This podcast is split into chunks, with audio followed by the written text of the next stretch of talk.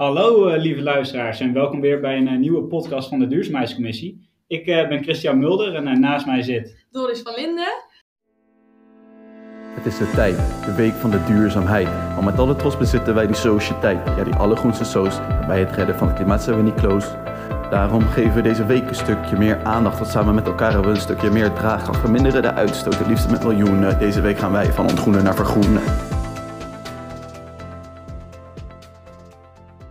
En uh, ja, vanavond gaan we het even hebben met uh, de, de heren en dames van, uh, van Follow This. dus ja, zouden jullie jezelf heel even kort kunnen voorstellen? Ga je gang, Roos? Nou, hoi, ik ben Roos en ik ben huisgenootje van Doris. Superleuk ja. dat we hier mogen spreken. En ik ben ongeveer drie jaar geleden actief ge, ja, bij Follow This gekomen. En daar heb ik ongeveer drie jaar vrijwilligerswerk gedaan met superveel plezier. En nu ben ik bezig met mijn master thesis Sustainable Business Innovation aan Utrecht. Yes. Ik ben Mark, Mark van Baal. Um, ja, ik heb Follow This in 2015 opgericht om te zorgen um, uh, dat de olieindustrie ging veranderen. Ja. Kijk, nou, dat is een knallend begin, uh, denk ik. ja, dat denk ik maar, zeker uh, ook wel. Goed, uh, Follow This, dat, is natuurlijk, dat klinkt al heel interessant, maar ik denk toch niet dat het heel erg bekend is bij onze luisteraars. Dus Mark, zou, zou je er iets over kunnen vertellen? Ja, um, Misschien moet ik beginnen te zeggen dat ik me net zoals iedereen altijd heel machteloos voelde ten opzichte van klimaatverandering. Hè.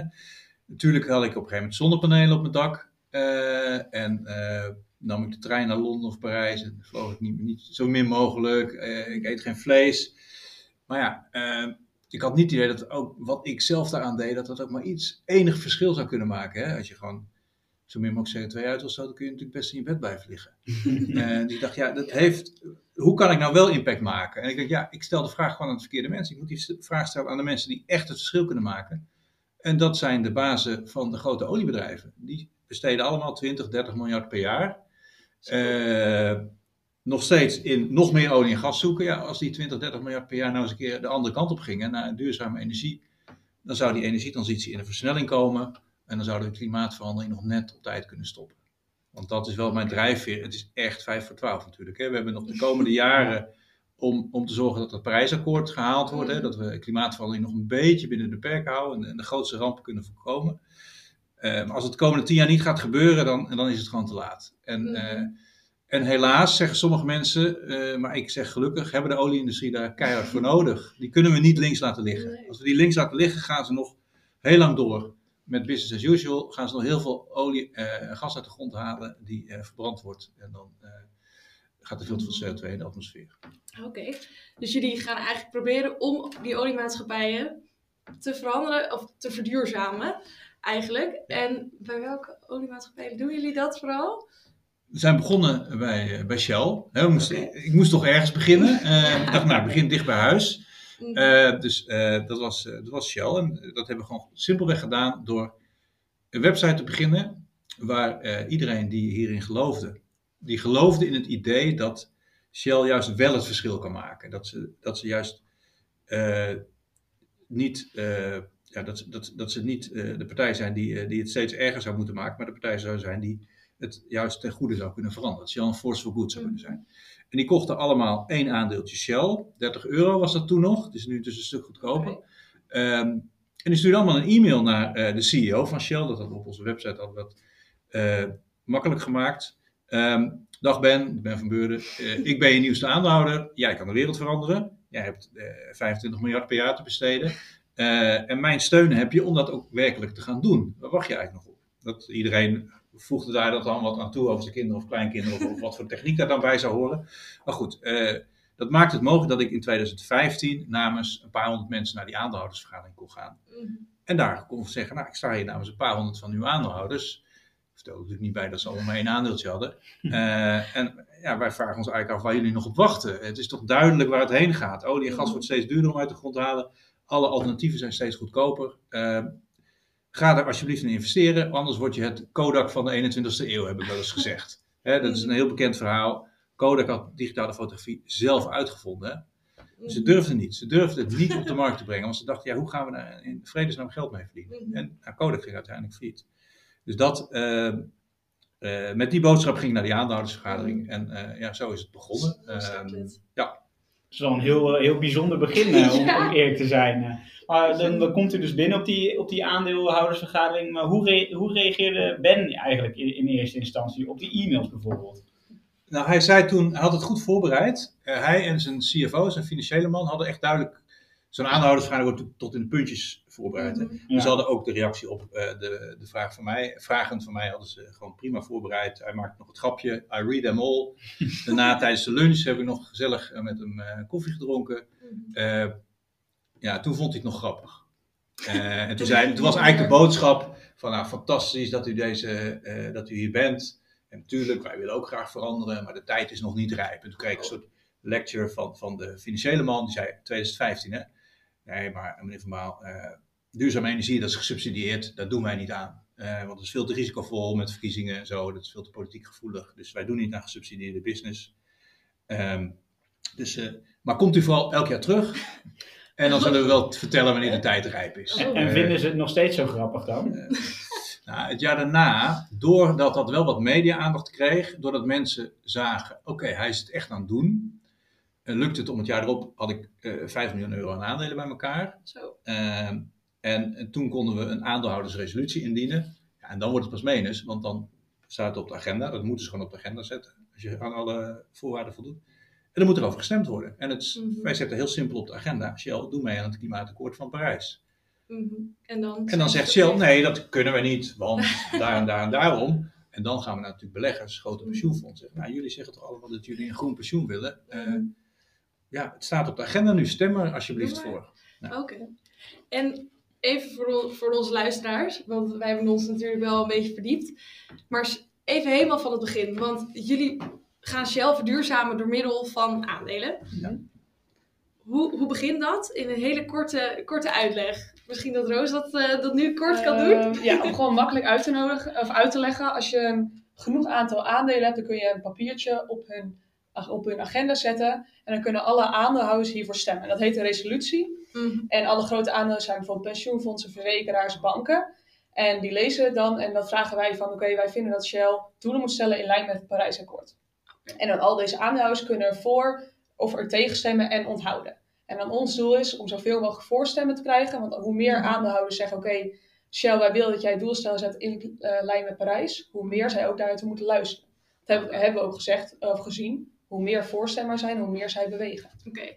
En die aandeelhouders, die, oh, jullie hebben zelf aandelen, maar overtuigen jullie dan ook bijvoorbeeld andere aandeelhouders om voor te stemmen? Of, Ja, dat is, dat is eigenlijk het belangrijkste wat we doen. Hè. We zijn nu met ruim 6000 aandeelhouders. En daar komen er elke dag een, een paar bij, zeg maar. Hè. Voor nu een euro of 20 ben je groene aandeelhouder. Kun je die mail naar Ben van Beurden sturen. Mhm. En ben je ook onderdeel van de beweging eh, die, eh, die Shell en nu ook andere oliebedrijven probeert te, te vergroenen. Ehm, maar namens die zeggen ruim 6000 mensen gaan we. Eh, namens die ruim 6000 mensen dienen we zo'n resolutie in. Maar dan gaan we naar de pensioenfondsen Mhm. en zeggen: Nou, ABP, jullie, ik lees elke dag in de krant dat jullie het zo belangrijk vinden dat klimaatverandering gestopt wordt. Nou, het staat op de agenda bij Shell. Stem alsjeblieft voor. Oh ja. Nou, dat is meteen het slechtste voorbeeld, want die doen het niet. Oh, die doen het En, niet. Oké. maar gelukkig zijn er van de, de tien grootste fondsen in Nederland zijn er nu zes die voorstemmen. Oké, kijk. En dat begint met eentje eh, in 2016. Ehm, en dat is eigenlijk eh, heel erg tegennatuurlijk voor een belegger. Want eh, het Shell-bestuur zegt namelijk van nee, maar dan moet je tegenstemmen. Dat is niet verstandig. En normaal gesproken doet iedereen dat dan braaf. en als dan een paar procent het dat niet doet, dan is dat wel een heel hard signaal aan het bestuur van er moet iets gebeuren, zeg maar. Dus dan- we hebben onze resoluties, hebben in het begin kregen ze 3%, toen 6%, vorig jaar bijna 15%. Ehm, dan kun je zeggen, ja, dat is geen meerderheid, dus eh, wat zou. Shell zich daarvan aan moeten trekken? Maar Mhm. dan moet je je achterhoofd houden dat alle andere resoluties krijgen gewoon 99% van de stemmen. Daar stemt, daar Oh, stemt gewoon ja. iedereen braaf met het bestuur mee. Dus dan is, dat zijn de eerste 20. Mhm. En dan resolutie nummer 21 van Follow This. Zegt het bestuur, ja, maar hier moet u tegenstemmen. En dan zijn er... En als dan niet 99% dat, als 99% dat niet doet, maar eh 6% en nu 14 en dan zijn er nog flink wat die zich onthouden, dan, zijn ze, dan is het gewoon duidelijk dat hun aandeelhouders wat anders willen. Oh ja. Ehm, dus ja, eh, en dan moeten ze erop reageren. En, en dat lukt Mhm. elke keer weer, zeg maar. Eh, Ja, ik denk ook wel dat de kracht van This is dat je de aandeelhouders de mogelijkheid geeft om voor te stemmen en om te laten zien, oké Shell, wij vinden echt dat je iets moet gaan doen. Mhm. Eh, want op zich kan het wel gedoe zijn om een resolutie echt op de agenda te zetten. En nu is een andere partij, Volodis, die het op de agenda zet. En dan kan jij als aandeelhouder bij jezelf te raden gaan, oké, wij vinden klimaatverandering belangrijk. Mhm. Als we dat belangrijk vinden, moeten we daar ook wel voor stemmen. Ja. Eh, dus dat is ook wel heel interessant, omdat je nu ook verschillende aandeelhouders kan vergelijken en kan kijken, oké, klopt hun beleid met wat ze werkelijk doen? Eh, en dat ze ook wel inzien dat ze heel veel invloed hebben, want ze kunnen zo'n bedrijf echt wel veranderen. Mhm. Dat is wel, is wel heel gaaf. Echt wel gaaf. Ja, degenen die Ja. voorstemmen, die zijn er echt wel trots op. Dat Ja, ze dat nu dat- dat, ze dat gedaan hebben. Want je moet je voorstellen, dat zijn natuurlijk hele, eh, ja, laten we toch zeggen, risicomijdende mensen. Hè? Die hebben de verantwoordelijkheid gekregen Ja. over miljarden. Zo, Ja. Dus ja, die moeten, eh, daar moet je geen, eh Nee. hoe heet het, eh, Mavericks eh, tussen hebben zitten. Ja. Dus die, die, die, die zijn toch vrij risicomijdend. Die doen wat ze gewoon zijn, wat de mores zijn binnen die financiële wereld. Mhm. En de mores zijn eigenlijk, je gaat niet tegen het bestuur van het grootste bedrijf van Nederland in. Dat doe je niet. Dat. Eh, en het feit dat ze dat wel doen, dat kost heel veel Is wel. Ehm, maar dat betekent, eh, daar zijn ze nu echt wel trots op, omdat ze zien Ja. dat het effect heeft. Want- En het zijn in Nederland nu een paar, eh, ja, de namen zeggen jullie misschien niks. Egon, zeg je misschien wat, Actiam, Achmea. ja. Eh, pensioenfonds van de Metaal Electro, ehm, van Landschot Kempen, grote bank, nou, die, die stemmen allemaal voor. Dus dat betekent Oh, dat er procenten, dus miljarden achter ons idee staat. Ehm, maar tegelijkertijd zijn dat maar een paar mensen. Dat, dat vind ik, dat, dat vind ik het Mhm. leuke van wat, wat we nu aan het doen zijn. Is dat uiteindelijk, ik kan wel zeggen, ehm Actiam met zoveel miljard en dan eh Egel met 800 miljard, noem het allemaal op, staat erachter. Heel veel geld. Maar ik kan beter zeggen, gewoon eh, Willemijn, Hans en, Oh, echt? en Henk. Want er zijn maar een Maar paar mensen, er zijn maar een paar mensen die hun nek uitsteken. Mhm. En die zeggen, nou wacht even, ik zit nu in de positie dat ik echt wat kan doen aan klimaatverandering. Ehm, with great power comes great responsibility, zegt één altijd. Ja, is ook wel en dan eigenlijk wel waar. citeert hij, zegt hij zelf Spider-Man. Maar hij zegt, ik heb nu die macht, ik Ja. ga het ook gebruiken. Maar En is eh. Gelderman heeft mij wel uitgelegd, Mark, besef wel hoeveel tijd mij dit kost. Want ik. eh, op het moment dat bekend wordt dat wij voorstemmen, Mhm. dan krijgt mijn baas een telefoontje van Shell. Ja, Ehm, ja, ja. Die denken, oh, en die krijgen, ja, maar je, jullie moeten ons steunen. Ja, dat doen we toch, dat staat in die resolutie. Nee, maar wij willen dat je ons steunt door tegen te stemmen. Dus eh eh, dat is echt wel een, een, een, Mhm. een heldendaad in Ja. de pensioenwereld. Zeg. Het gaat tegen de ongeschreven regels Ja. in. Het staat natuurlijk nergens op papier dat je het niet doet. Maar Mhm. het, is gewoon, ja, het zijn gewoon mores die... eh, Ja, maar het is wel, wel echt eigenlijk wel heel gaaf dat er altijd in, wordt, in, in mee wordt gegaan. Ja, En dat je- jullie eigenlijk komen en dat het- jullie toch wel eigenlijk gewoon fixen dat, dat zij dus gewoon een keer tegen het bestuur opstaan en zeggen van oké, nou zo kan het niet langer. En wij zien dat ook. En hopelijk dat Shell daar dan een beetje inzicht in, eh, in krijgt. Want waar ik eigenlijk wel benieuwd naar ben, is. Want ik heb in ieder geval zelf, ik heb aan vriendinnen gevraagd bijvoorbeeld van, nou, oké, waar hebben jullie, wat zijn, waar zijn jullie echt benieuwd naar? Ja. En zij zeiden allemaal, ja, maar eh, ja, Shell, dat hele idee is gewoon niet duurzaam. Dus hoe ga je dat verduurzamen als, ja, het is namelijk gewoon olie. Dus daar ben ik eigenlijk ook wel, Dat klopt. En dat denkt Shell ook. Van Ja. ja. wij zijn nou eenmaal olie en gas. En dat kunnen we niet zomaar veranderen. Mhm. Ja, je moet eerst natuurlijk eh, je realiseren dat, ze helemaal, dat niemand om olie en gas ooit heeft gevraagd. Dat we alleen maar energie nodig hebben. En Mhm. dat we het liefst duurzame energie hebben. En dat besef moet indalen. Maar dat gaat niet indalen in de top van Shell. Daar, die conclusie heb ik intussen na zes jaar wel En getrokken. die zitten zo vast aan de olie, die, die Ja, dat is, dat, is dat is onmogelijke vraag. Eh, ja, toen ik This begon, en eigenlijk daarvoor al, ik was daarvoor journalist, daar Mhm. schreef ik er veel over. Eh, ja, dan schreef ik het af en toe zo helder op, dacht ik zelf. Ja, dat is toch zo logisch, jongens. Je moet, vroeger spoot die olie vanzelf uit de grond. Nu moet je daar voor de, naar de Noordpool, moet je de, de, eh, kilometers in de oceaan voor boren. Dus het wordt steeds duurder om het uit de grond te halen. Eh, zonnepanelen en windturbines is technologie, wordt steeds goedkoper. Technologie- Mhm. Ik ben ingenieur, dus ik geloof heilig dat technologie altijd goedkoper wordt. Eh, Mhm. eh, ik denk dat het ook zo, zo is als het massaal gebruikt wordt. Die zonnepanelen worden alleen maar goedkoper. Dus. Mhm. ehm, digitale fotografie was natuurlijk ook eerst heel duur. ja, Eh, Alles en, nu krijg je het gratis bij je telefoon, zeg maar. Ja. Dus, dus dan schreef ik dat op en dan dacht ik, ja, dit is zo logisch. Dat moet toch een keer. En dan moeten hebben, ze zien. hebben we nog klimaatverandering. En eh, die mensen willen toch ook een force for good zijn. Eh, ja, er moet toch een keer een CEO van een oliebedrijf een keer een, een een emotioneel debat met zijn kinderen hebben of zo. Of een, slapeloze, een paar slapeloze nachten. En, dan, en dan opeens het licht zien van ja, natuurlijk ga ik dit doen. Tuurlijk. Dat is, eh, Johan Cruijff zei altijd, dat zijn utopieën wie niet gebeuren. Nee, wie niet. en het is ook niet gebeurd. En dat gaat niet, nou, ik denk niet dat het gaat gebeuren. Omdat, ik probeer me natuurlijk wel eens in die mensen te plaatsen. Zijn nog tien jaar ouder gemiddeld dan ik ben. Ja, die zijn al 30, 40 jaar lang met olie en gas bezig. Die kunnen zich niet voorstellen dat het anders kan. Nee. Dus daarom komt het niet vandaan. Maar het mooie is, die beleggers willen het allemaal wel. Want die zien Mhm. nu in, jongens, klimaatverandering is zo'n grote bedreiging voor, voor de wereld. Maar niet alleen voor de wereld, ook voor onze miljarden. Mhm. Eh, dat moet gestopt worden. Mhm. En de olieindustrie of de fossiele industrie is verantwoordelijk voor meer dan de helft van alle uitstoot. Dus die moet veranderen. Of ze nou willen of niet. Ja. En die gaan dus steeds harder eh, daarom vragen en ook voor die resolutie stemmen. En, En is het dan zo dat, dat, dat, dat jullie doel eigenlijk is om bijvoorbeeld Shell over te laten gaan naar een ander soort energie? Of is, is dat uiteindelijk het doel? Of is het nu vooral gewoon die klimaatakkoorden halen en minder olie bijvoorbeeld verkopen? Of, Ja, ik denk dat het ook wel de kracht van is, is dat we niet zeggen hoe ze moeten veranderen. Want zij weten het best natuurlijk hoe ze hun Oh ja, bedrijf in elkaar steken en hoe ze moeten veranderen. Mhm. Eh, maar wat wij wel zeggen is eigenlijk, je kan kijken naar alle technieken die er zijn of die er misschien nog komen, zolang jij maar wel in lijn bent met Parijs. Want als we in lijn met Parijs blijven, dan weet je wel dat in ieder geval klimaatverandering wordt verminderd. Oké. En eh, ja, ik denk dat dat ook wel het beste eh, ja, approach is, zeg maar, om dat te doen. Oké, en Parijs, die zegt bijvoorbeeld, je mag maar zo'n uitstoot hebben, toch? Dat is ongeveer wat- ja, Parijs zegt eigenlijk alleen maar, eh, we gaan eh, de klimaatverandering beperken tot eh, maximaal 2 graden, liefst anderhalve graad. Oké. En dan kun je, eh, als je een haal de wetenschapper bij, en die zegt, nou ja, dat betekent dus dat de emissies heel hard omlaag moeten en dat ze rond 2050 op nul moeten zitten. Dus En- dat is, onze resolutie is eigenlijk een, eh, ja, ik zeg wel eens een Trojaans paard, maar dan wel van glas, want iedereen kan er dwars doorheen zien. Nee, we hebben, duidelijk. eh 2016 was onze eerste resolutie. Die was nog een Mhm. beetje onhandig geformuleerd. Daarin stond gewoon, ga nou alsjeblieft je investeringen verschuiven van fossiel naar duurzaam.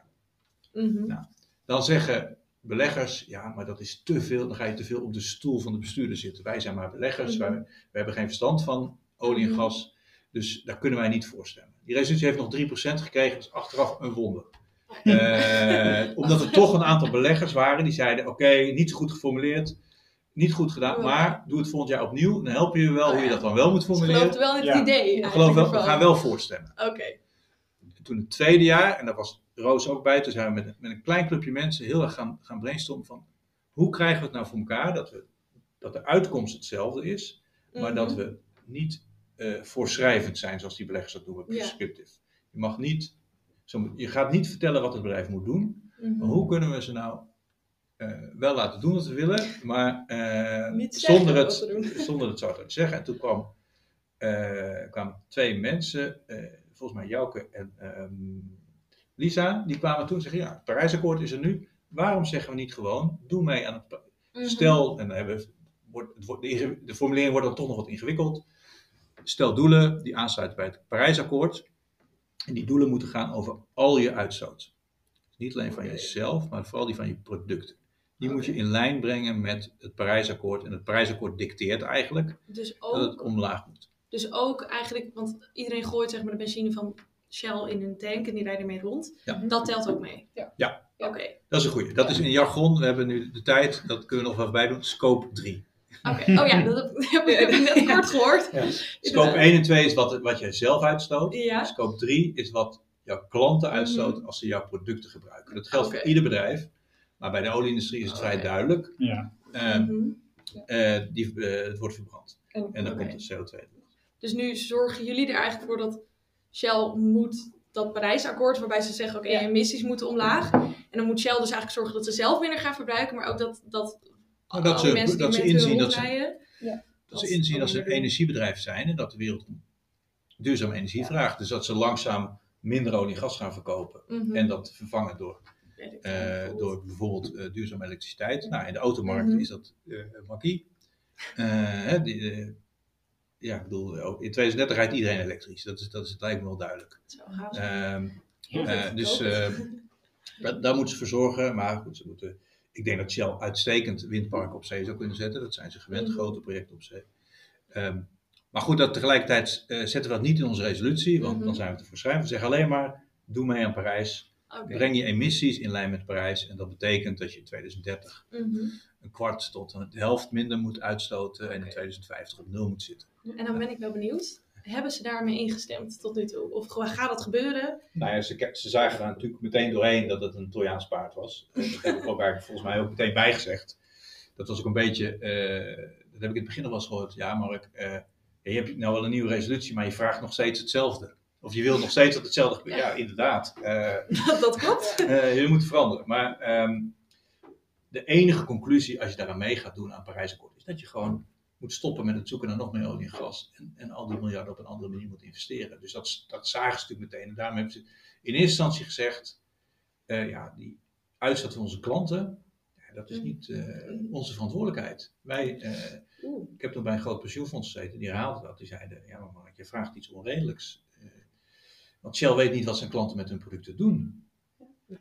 Nou, dat weten ze toch wel. Dat weet Nou ja, Ik reageer, ik reageer op dezelfde manier. Ik blijf Ja. meestal vrij netjes, maar toen werd ik ook vrij verontwaardigd. Ik jongens, Ja, ik, kom op. ik Ja. denk dat die klanten die producten verbranden. Wat? Ja, natuurlijk. Maar je Ja. weet toch dat als je Ja, dat weet ik zeg maar benzine in een auto doet, hoe lang een auto dan Ja. ongeveer kan rondrijden, weet je toch Ja. supergoed, Ja. denk ik. Precies, Ja. precies. En ja, wat ook wel goed is misschien om te zeggen, is vaak vragen vrienden ook van, eh, ja, maar je kunt toch niet over een jaar zonder olie en gas. En dat is ook zo, we kunnen over een jaar niet zonder olie en gas, maar dat is ook niet wat Ja. Volodis wil.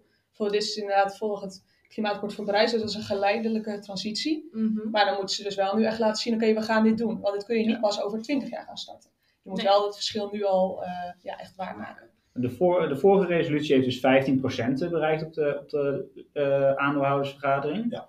Eh, wat zijn nou de argumenten om de overige 85% eh, te overtuigen? Want sommigen zeggen wel van we willen groen beleggen, maar als het puntje bij paaltje komt, dan valt dat toch tegen. Dus wat zijn dan de argumenten om, eh, om ook hun over te halen? Het is wel een leuke vraag, want ik ben nu bezig met een thesis om dit allemaal in kaart te brengen. Maar Oké. eh, eerst eh, Ja, Mark dat eens is kijken. super moeilijk. Dat is, dat is, eh, als ik dat van tevoren had geweten, dan, eh, dan had ik, was ik misschien niet aan begonnen. Het blijkt dus heel erg moeilijk te zijn om, hoe logisch het ook is, om tegen het bestuur van eh, een oliebedrijf te stemmen als grote, als grote belegger. Dus daar. eh, maar het, is de logica, het ligt niet aan de logica, het ligt gewoon aan de, eh, ja, aan de gewoonte om dat niet te doen, zeg maar. En om te zeggen, ja, maar wij doen aan engagement. Dat is een, als je in die wereld zit, hoor je continu, wij doen engagement. Engagement is gesprekken achter de schermen.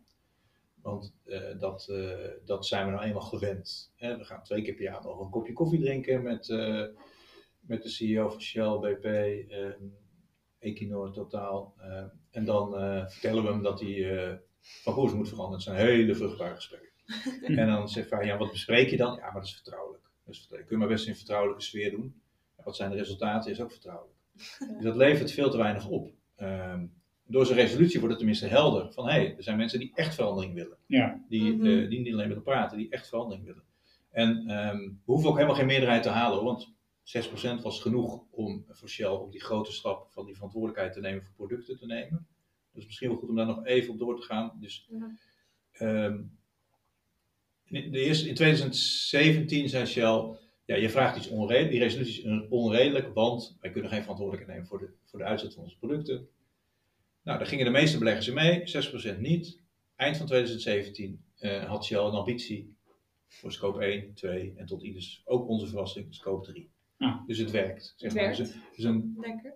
Kijk, onze theory of change, om het even heel, eh, heel chic te zeggen, is eh, dat groeiende minderheden, groeiende minderheden zorgen voor verandering.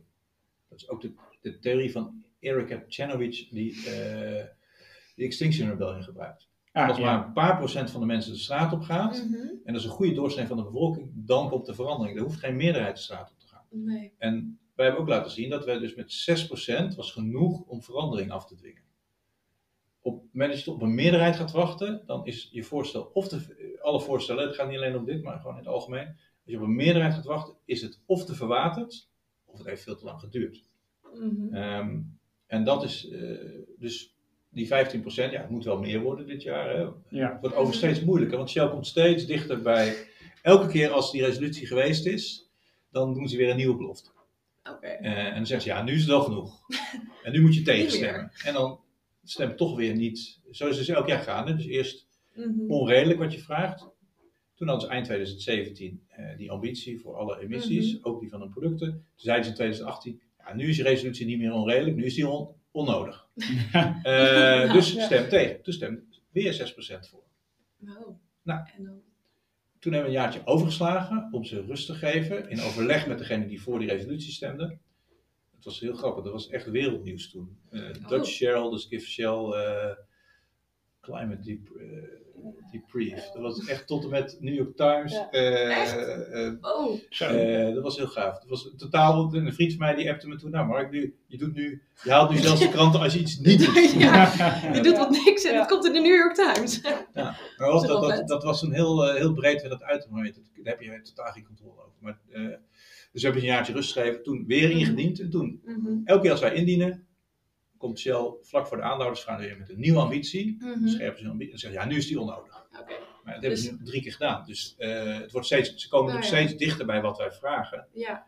Dus het wordt steeds moeilijker om beleggers te overtuigen dat het nog niet Mhm. voldoende is. Dus ja, eigenlijk ze beginnen met die vergadering met van luister, we hebben deze hele mooie ambitie. En dat is dus eigenlijk hun argument wat ze gebruiken om dan later, als die resolutie later op de agenda komt, dan zeggen ze van joh, hier hoef je niet voor te stemmen, want Uh-huh. onze ambitie Ja. die zorgt er al Ja. voor Ja. dat het allemaal wel goed komt. Ja, en Dat- dat, dat is ook wel het leuke, want we, ik help dan ook Mark samen met het team om te kijken hoe je een resolutie dan verwoordt. En Ja, dan zijn er van die hele kleine woordjes die, waar je heel goed over na moet denken. Want dan vragen ze van, kun je je resolutie niet aanpassen bijvoorbeeld naar ambitie? En wij hebben al heel lang nagedacht van, ja, op zich ambitie, doelen, nou ja, waarom ook niet? Als, we dan, als, we, als het management dan voorzegt van, ja, jullie kunnen voorstemmen aan de Mhm. aandeelhouders, dan wordt onze resolutie aangenomen. Maar als je dan eh, doelen vervangt, of eh, ambitie vervangt door doelen, dan eigenlijk is je resolutie veel minder waard. Want als je ambitie hebt, is minder Minder vaar dan doelen, ja, minder sterk. Oh ja. Oh, maar het is best wel sneaky eigenlijk van, Ja. van Shell, denk ik. Door eigenlijk te zeggen van, maar we willen dit Ja. graag doen. Maar een beetje vaag zonder een belofte te doen. Zodat Ja. ze dan een beetje inspelen op mensen die achteraf eigenlijk gaan stemmen. Ja. Zodat het misschien minder, zodat ze minder hoeven te doen.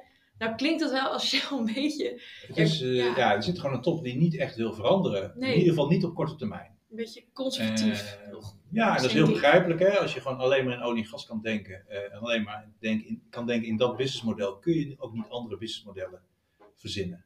Dus dan moet je gewoon Mhm. andere bijhalen. Jonge, creatieve mensen die nieuwe Ja. businessmodellen Ja. eh, verzinnen. Want dat is mijn overtuiging. Die techni- techniek is het probleem niet. Eh, Je had Mhm. een paar goede ingenieurs uit Delft en die fixen het wel, zeg maar. Maar je, ja. hoe ga je er geld mee verdienen? Dat is, dat is het moeilijk. En dan zul je Mhm. allerlei nieuwe businessmodellen moeten proberen. Ehm, tot je iets vindt dat werkt. Net zoals je vroeger naar olie en gas boorde. En soms was het raken, soms was het niet raken, zeg Oh maar. ja, En, en gewoon, Kodak is toch wel een heel goed voorbeeld. Want de techniek was het probleem niet. Ze hadden die digitale fotografie Nee. in huis. Ze wisten alleen...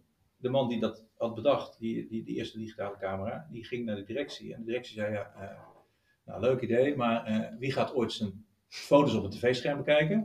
nou, de Eh, hele wereld uiteindelijk. ja. En oké, wij maken nu met fotorolletjes, maken, we, weet ik veel, eh, 50% marge. Hoe ga je hier 50%? Dus als je, daar, als je 50% marge hiermee kan maken, kom dan maar terug. Mhm. Ja, dat ging natuurlijk niet gebeuren. Je moet het gewoon gaan. En niemand wist toen nog hoe je geld moest verdienen met digitale fotografie. Ja, nu, Nee. ik denk dat nu Facebook daar geld mee verdient. En, Ja. eh, En eigenlijk eh, zie je eigenlijk dat soms zeg maar de grootste, nieuwste dingen, waarvan je eerst misschien denkt, nou dat wordt helemaal niks, dat je eigenlijk soms een soort stap moet maken en het gewoon maar moet doen. En dat het heel vaak ook gewoon eens een heel groot succes kan worden. Ja, en dat is misschien ook wel een goed argument waarom jij vraagt van waarom zou je voorstemmen of waarom zou je tegenstemmen. Omdat misschien de tegenstanders een wat kortzichtiger beeld hebben. En denken van oké, nu verdienen wij nu nog heel veel geld aan. En natuurlijk als Mhm. Shell veel geld verdient, krijgen zij ook weer geld Ja. terug. En dat is hun verdienmodel, deels. Ehm, dus als we dan nu misschien naar duurzaam gaan, maar verdienen we misschien wat minder.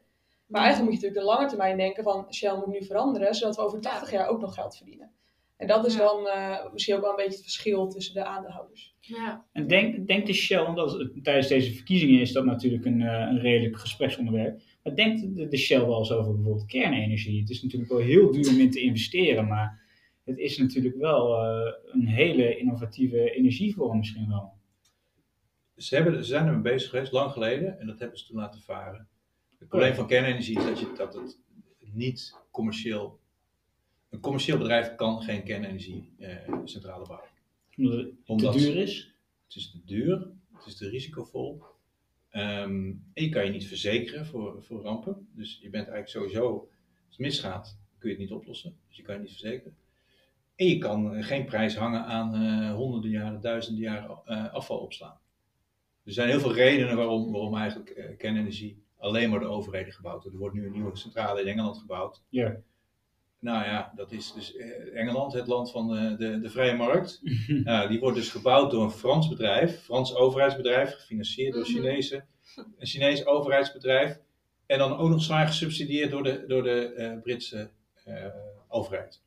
Dus dat is, dat is, kernenergie is eh, gewoon veel, eh, veel duurder dan wind Ja. en zon. Het enige voordeel is dat het continu is. Ja, Maar goed, daar Mhm. komt nu ook wel vanzelf een oplossing voor, doordat er gewoon eh, batterijen goedkoop worden. Ja, en waterstof is geloof ik ook al eh, veelbelovend, toch? Ik geloof dat Shell ook wel meer naar wil kijken. Waterstof. Daar wil Shell naar kijken, maar dan, dan eh, en dat zal op lange termijn ook wel een, een, Mhm. een oplossing zijn. Dus- Maar, die, eh, maar kernenergie hebben ze ooit wel eens geprobeerd, maar dat is, dat is niet, voor een commercieel bedrijf is dat gewoon niet te doen.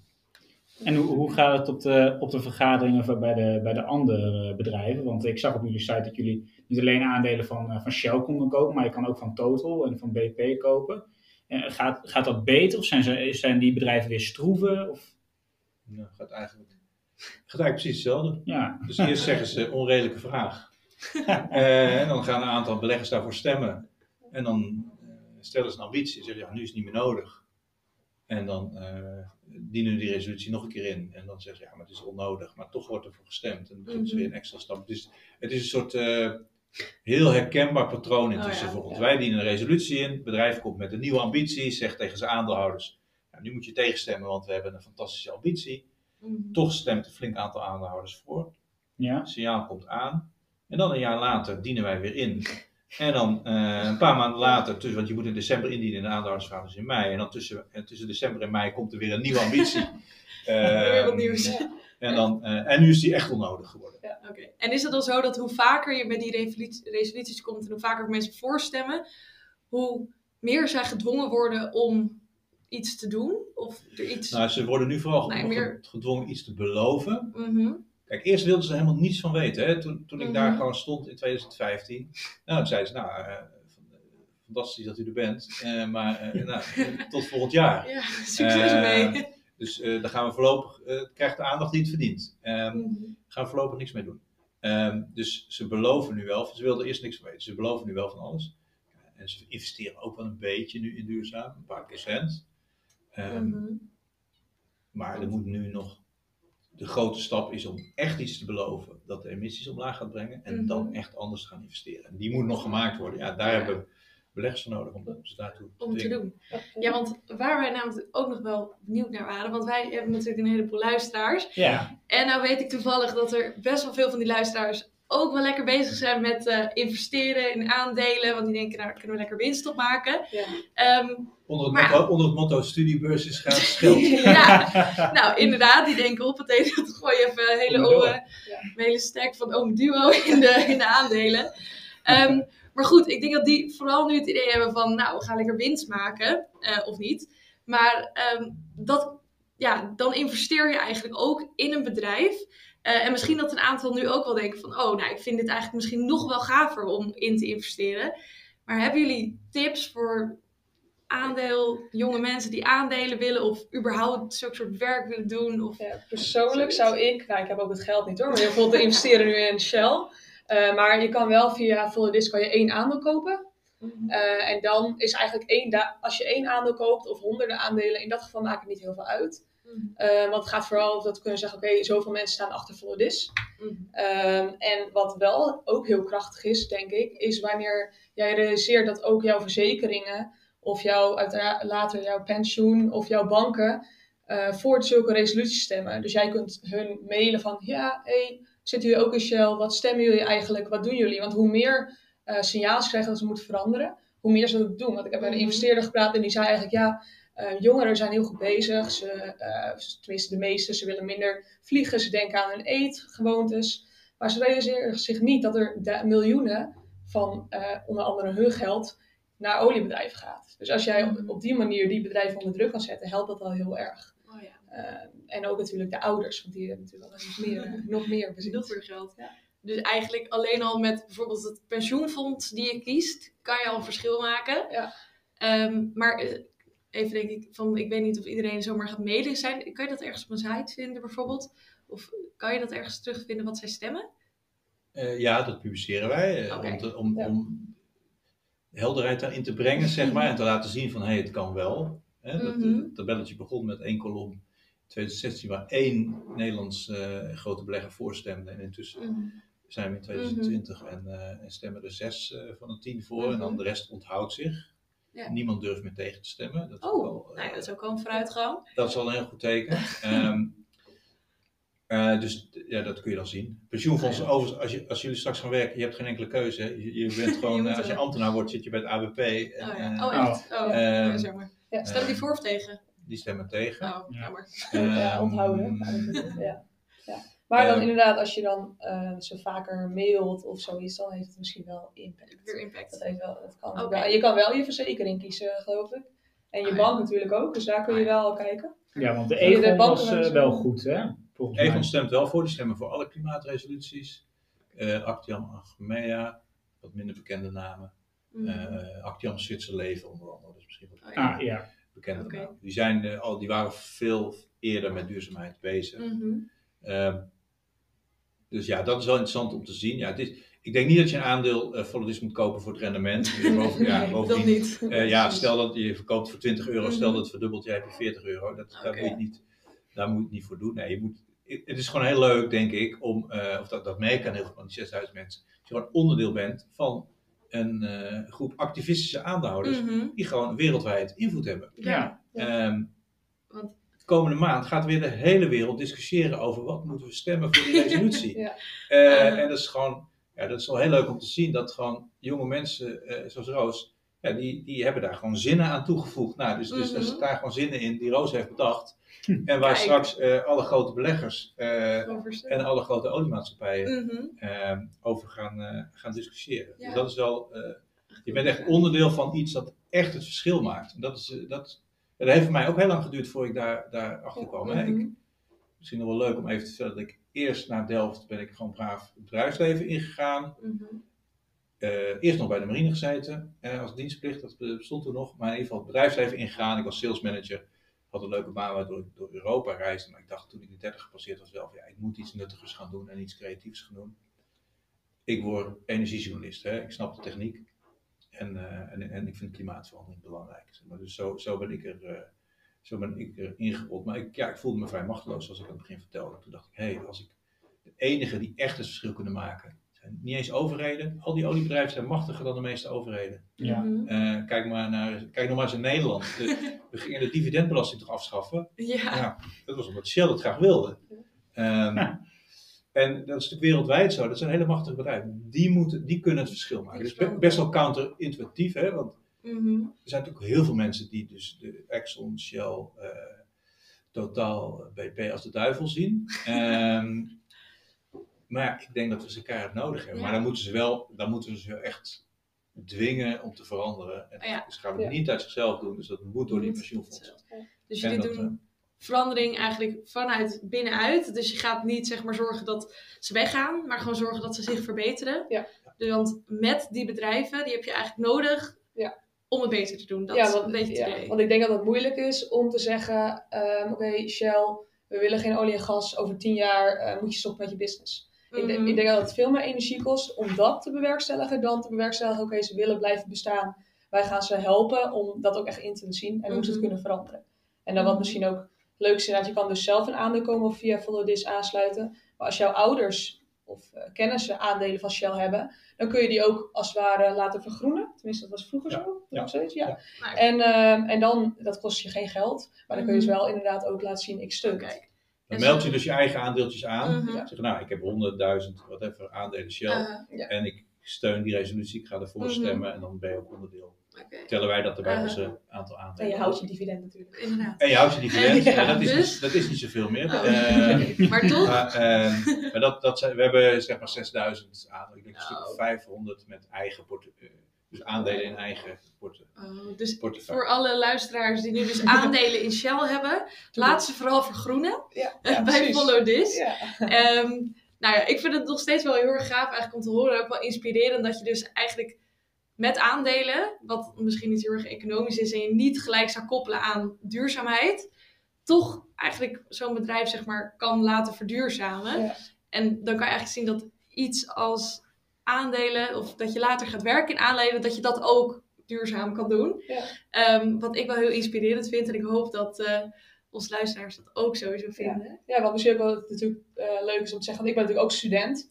En dan is eigenlijk heel leuk te zien dat als je zulke kleine organisaties vindt, dat je echt wel heel veel impact kan maken. Want ik dacht eerst, oké, ik wil stage lopen bij Shell, want ik wil daar verandering brengen. Maar eigenlijk misschien eh, hebben zulke kleine organisaties wel veel meer direct impact. Mhm. En kun je ook echt wel denken van, wow, ehm, ik werk zeg maar aan een betere wereld. Ja. Dus er zijn best wel heel veel mogelijkheden om daar eh, aan mee te werken, denk ik. Nou, ik denk Ja, dat en als je bij, als je bij Shell was gaan werken, Roos, Ja, dan was had het je nooit, anders. Had je nooit, had je nooit eh, vijf keer eh, met eh hoofd Investor Relations Nee, gepraat. Eh, Nee, en- en nu, eh, dat mocht Roos. eh, Toch een meer paar- impact. een paar jaar geleden. zeker. Ja, ja heel gaaf. Is. Dat was wel leuk van Roos zat toen heel vaak aan de lijn met allerlei Shell mensen. En, eh, Mhm. en toen ze het voor het eerst ontmoetten, schrokken ze denk ik toch wel hoe jong jij was. wel- Ja, dat ze, oh nee, komt zij het ons vertellen? Ja, klopt. Ik voel me ook altijd als een jonkje aan zijn telefoon. Ik dacht, hmm, maar ja, dat is oké. Ja. Maar ja, you did it. Ja, ja, ja. Het werkt wel. Klopt. Ja, dat is ook wel het leuke aan is dat je, je kunt een beetje zelf ontdekken waar, wat jouw sterke punten zijn. En dan laat Mark en het hele enthousiaste team ook wel dat, jou dat laten doen. En dan heb je daar Mhm. vertrouwen in. Eh, ja, dus dat is... eh, Ja, we hebben altijd, kijk, we zijn natuurlijk, nu pakken we, het staat natuurlijk nergens op, acht, acht oliebedrijven in de wereld aan. Ja. Die allemaal met tientallen mensen eh, op investor relations eh, proberen het boel, eh, ja, elke vorm van democratie eh, van de agenda te houden, zeg maar. Dus ja, er is natuurlijk al, we hebben natuurlijk altijd te weinig mankracht. eh, Mhm. dus er, er kan altijd, kan eh, altijd meer bij. kan altijd meer bij, ja. Nou, ja, wel echt heel erg eh, inspiring, denk ik. Heel erg interessant om te horen. Ja, vind ik ook wel. En ik, ik denk, vind het ook heel gewoon leuk om te horen hoe, eh, om mee af te sluiten, dat studenten zoals Roos gewoon echt de impact maken in deze wereld. Samen met Mhm. de kleine, maar toch hele sterke bedrijven zoals, eh, zoals Follow This. En ik denk dat dat heel veel betekent eh, voor de toekomst. Ja. Dus ehm, om het even samen te vatten. Kort jongens. Follow This is dus gewoon een bedrijf dat door aandelen toch wel gewoon een hele grote, heel groot verschil maakt binnen een heleboel oliebedrijven. Eh, maar uiteindelijk dus ook een groot verschil maakt eigenlijk in de wereld. En eh, hopelijk gaan ze er toch een klein beetje voor zorgen dat de wereld misschien ja, toch wat groener wordt. En het hopelijk toch eh, wat langer uit gaat houden. Ehm, ja, wij vonden het sowieso echt, echt heel erg eh, interessant om dit te horen. En ik denk dat ik echt super veel heb geleerd ehm, over alles. Ehm, nou, ja, denk je nou nu, ik wil heel graag een aandeel kopen. Denk ik dat, eh, dat jullie dat ook zeker kunnen doen. Dat kan op de website van eh, Follow This. Ehm, en dan was dat het voor vandaag, denk ik. Ja, Roos, Mark, mogen jullie ontzettend bedanken voor jullie tijd. En Ja. Ik, eh, ik hoop jullie snel weer een keer weer te zien. ja, Ja. bedankt. Hey, heel graag gedaan, leuk. ja, Dankjewel. top.